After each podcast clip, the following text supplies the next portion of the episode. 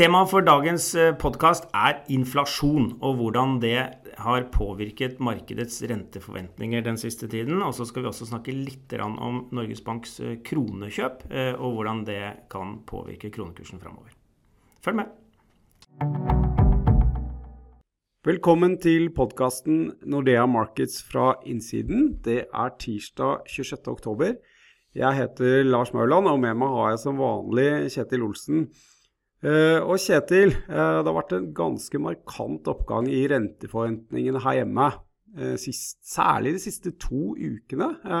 og det ser ut som markedet nå for første gang priser inn mer renteheving enn det Norges Bank har i sine kort. Hva er det egentlig som har skjedd? Nei, hva som har skjedd, det har i hvert fall løfta seg betydelig. Og nå, nå, nå, ligner den markedsforventningsbanen, i hvert fall de neste par årene, den, den, utviklingen egentlig vi har sett for oss ganske lenge. Så vi har jo lenge ment at eh, rentene kommer til å komme opp noe mer eh, raskere og høyere enn det Norges Bank har signalisert. Um, og, og vårt hovedargument har jo vært at vi har trodd at de globale rentene kommer til å komme opp. Og det er, sånn som jeg ser det, så er det vel det som har skjedd nå, Lars. Stemmer det. Vi har i hvert fall sett en veldig synkron renteoppgang, kall det den, vestlige verden. Og i uh, Storbritannia f.eks. så er renteforventningene om ett år de er opp 80 basispunkter siden slutten av, uh, av august. Og også på New Zealand og i Australia så, så er renteforventningene veldig, veldig eh, mye høyere. Og det har vært veldig tydelig beskjed fra en del av, av sentralbankene, særlig i Storbritannia, om at her må man egentlig forvente at renten blir satt raskere opp enn det som markedet priset inn på det tidspunktet. Mm. Og, og, grunnen til det, Kjetil, er vel et, et, et, et nytt fokus på inflasjon, eller, eller, fokus kanskje mer på inflasjon som et problem, og ikke et forbigående eh, forbigående ting som ja, man har tenkt? Ja, det er i hvert fall flere og flere sentralbanker som begynner nå å bli litt uh, liksom, Tenker seg litt om, om, om dette de, de, inflasjonstallene vi nå ser rundt forbi, da, om det er så midlertidig som man, man tidligere la til grunn. Og det som på en måte så det er et veldig sånn inflasjonsnarrativ, eh, både i markedet, men også blant flere og flere sentralbanker.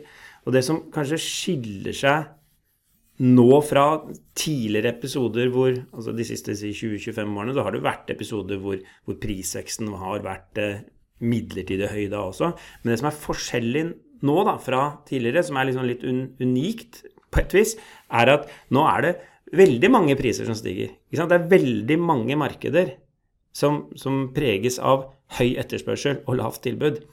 Og og det er ikke bare én, liksom. Eh, og det gir på en måte en slags sånn kaskadeeffekt ved at veldig mange bedrifter opplever da økte kostnader. Innsatsvarene stiger, som de igjen da må eh, De må forsvare sine marginer og øke sine priser. Eh, og så har du liksom ballen gående. Og nå har de også muligheten til å øke disse prisene. De har det vi kaller pricing power på, på godt norsk, fordi etterspørselen er der. Og... Ja, etterspørselen har jo vært der hele tiden, egentlig, gjennom hele krisen. Og det er det som på en måte skiller denne krisen fra andre kriser også, at dette har vært en, en tilbudskrise, ikke en etterspørselskrise. Hele veien så er det liksom tilbudet som er blitt holdt tilbake. Og det vi nå ser, er når, når etterspørselen nå er fullt tilbake. Og, og innen vareetterspørselen så har den vært kjempehøy lenge. Um, så, så, er ikke liksom, tilbudet er ikke helt kommet på plass igjen. Um, og, og, og, vi ser det presset tyte ut da, i høyere priser. Um, og det som er også litt sånn annerledes nå, er at Eller ikke annerledes, men det, det skjer også en situasjon hvor, hvor arbeidsmarkedene også er veldig pressa og stressa. I land etter land så, så ser vi en, en, både en økt mismatch mellom måte, de kvalifikasjoner som er ute i arbeidsstyrken, og de som etterspørres i, i, i, ute i bedriftene. Men, men, det vi skal kalle kanskje et stort press da, i arbeidsmarkedet som, som, vi ikke har sett på veldig veldig lenge. Og det er jo Det, det ser vi jo i nesten alle land. Ja, I alle på. vestlige land så er det det samme, samme bildet. At bedriftene sliter vanvittig med å få tak i den arbeidskraften de etterspør. Og Da er det ikke bare, er ikke bare å åpne grensa og ta inn fremmedarbeidere heller? Nei, problemet er at det er i hvert eneste land. Så det er, det er stressa pressa overalt. Og da har du en litt sånn artig kombinasjon. Da, du har et veldig pressa arbeidsmarked hvor bedriftene sliter med å få tak i arbeidskraft. Det eneste virkemidlet de har for å få tak i arbeidskraften, er å, å tilby litt høyere lønninger. Samtidig er inflasjon, altså prisveksten høy, og den har vært høy en god stund. Um, og det øker sannsynligheten for at arbeidstakerne måtte også da krever, krever å, å, få igjennom uh, kompensasjon for høye levekostnader. Vi har jo sett noe streikeaktivitet allerede, i Tyskland og i USA bl.a. Folk som, som, kanskje føler de har stått på ekstra under pandemien, ser at bedriften tjener godt med penger, og samtidig nå øker levekostnadene, ikke bare strømpriser, men men rundt baut så er, er prisen opp. Det er vel gode sjanser for at uh, også her hjemme får et ganske stramt lønnsoppgjør ja, ja, vi får nå se, da. Én ting er hva som skjer i på en måte de offisielle lønnsoppgjørene, eh, hvor det er fremforhandla rammer og den type ting. Men, men, det som typisk skjer i, i en situasjon hvor, hvor, bedriftene sliter med å få tak i arbeidskraft, så, så, er det lett for å på en måte skli ut av den rammen, da, på en måte, eh, ut, lokalt. Um, og det, det, er vel mitt tips at lønnsvekst neste år her hjemme blir en god del høyere enn det som blir utfallet, hva enn det blir, da, av det lønnsoppgjøret vi skal gjennom nå til våren. Um, fordi nettopp arbeidsmarkedet er såpass stressa og pressa.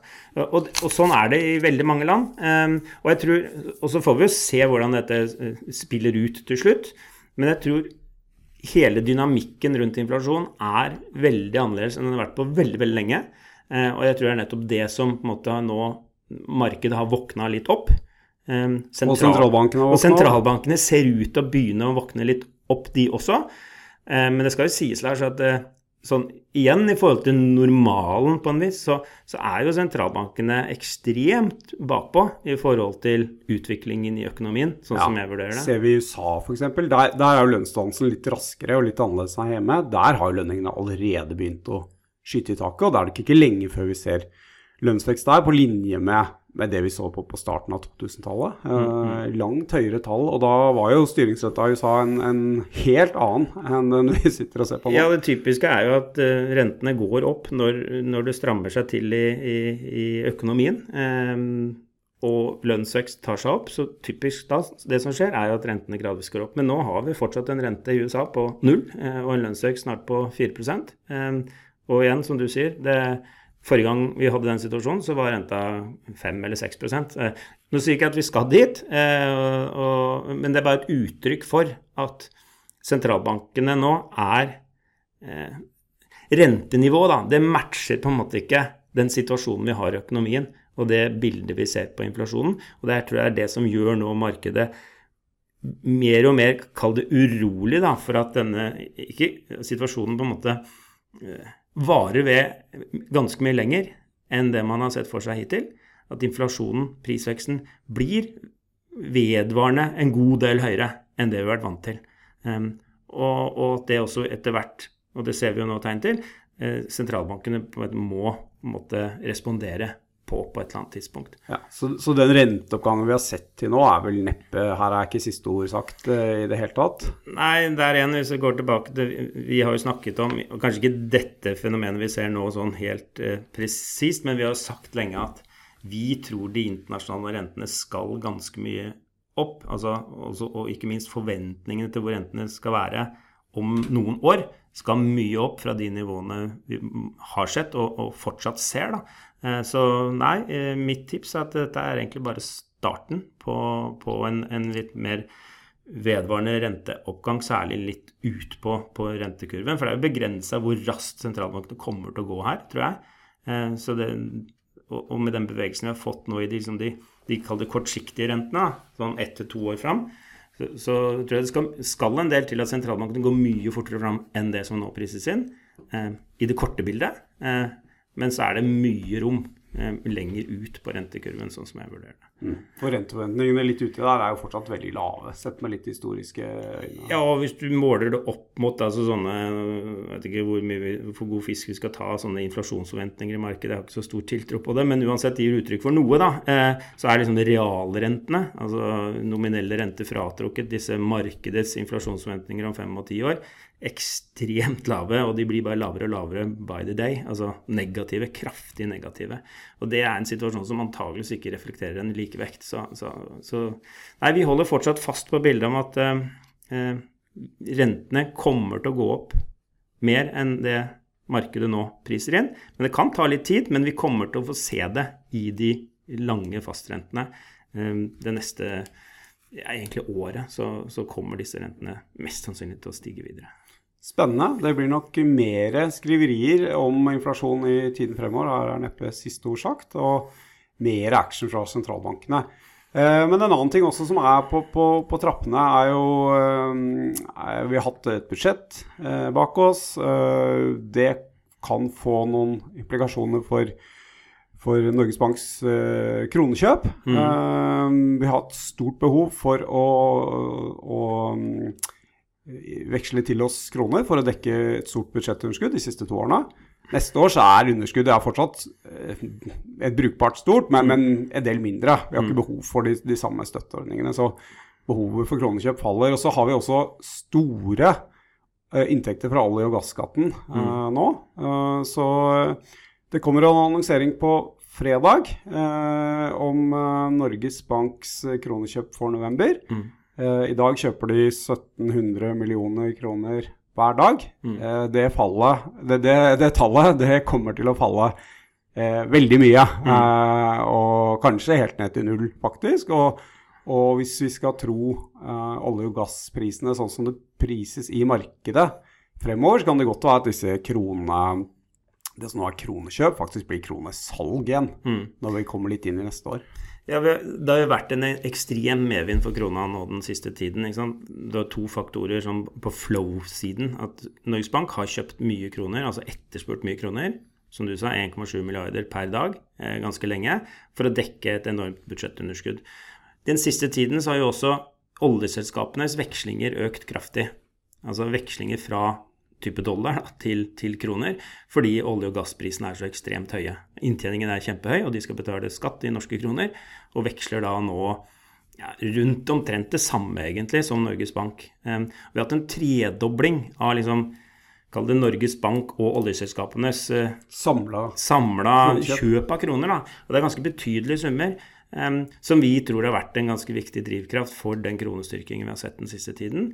Og som du sier, på fredag så får vi um, planlagte kronekjøp fremover fra Norges Bank, og vi har jo regna litt på det her på, på bakpå konvolutten og sånn, som du sier, at det at face value så skal de egentlig slutte å kjøpe kroner nå.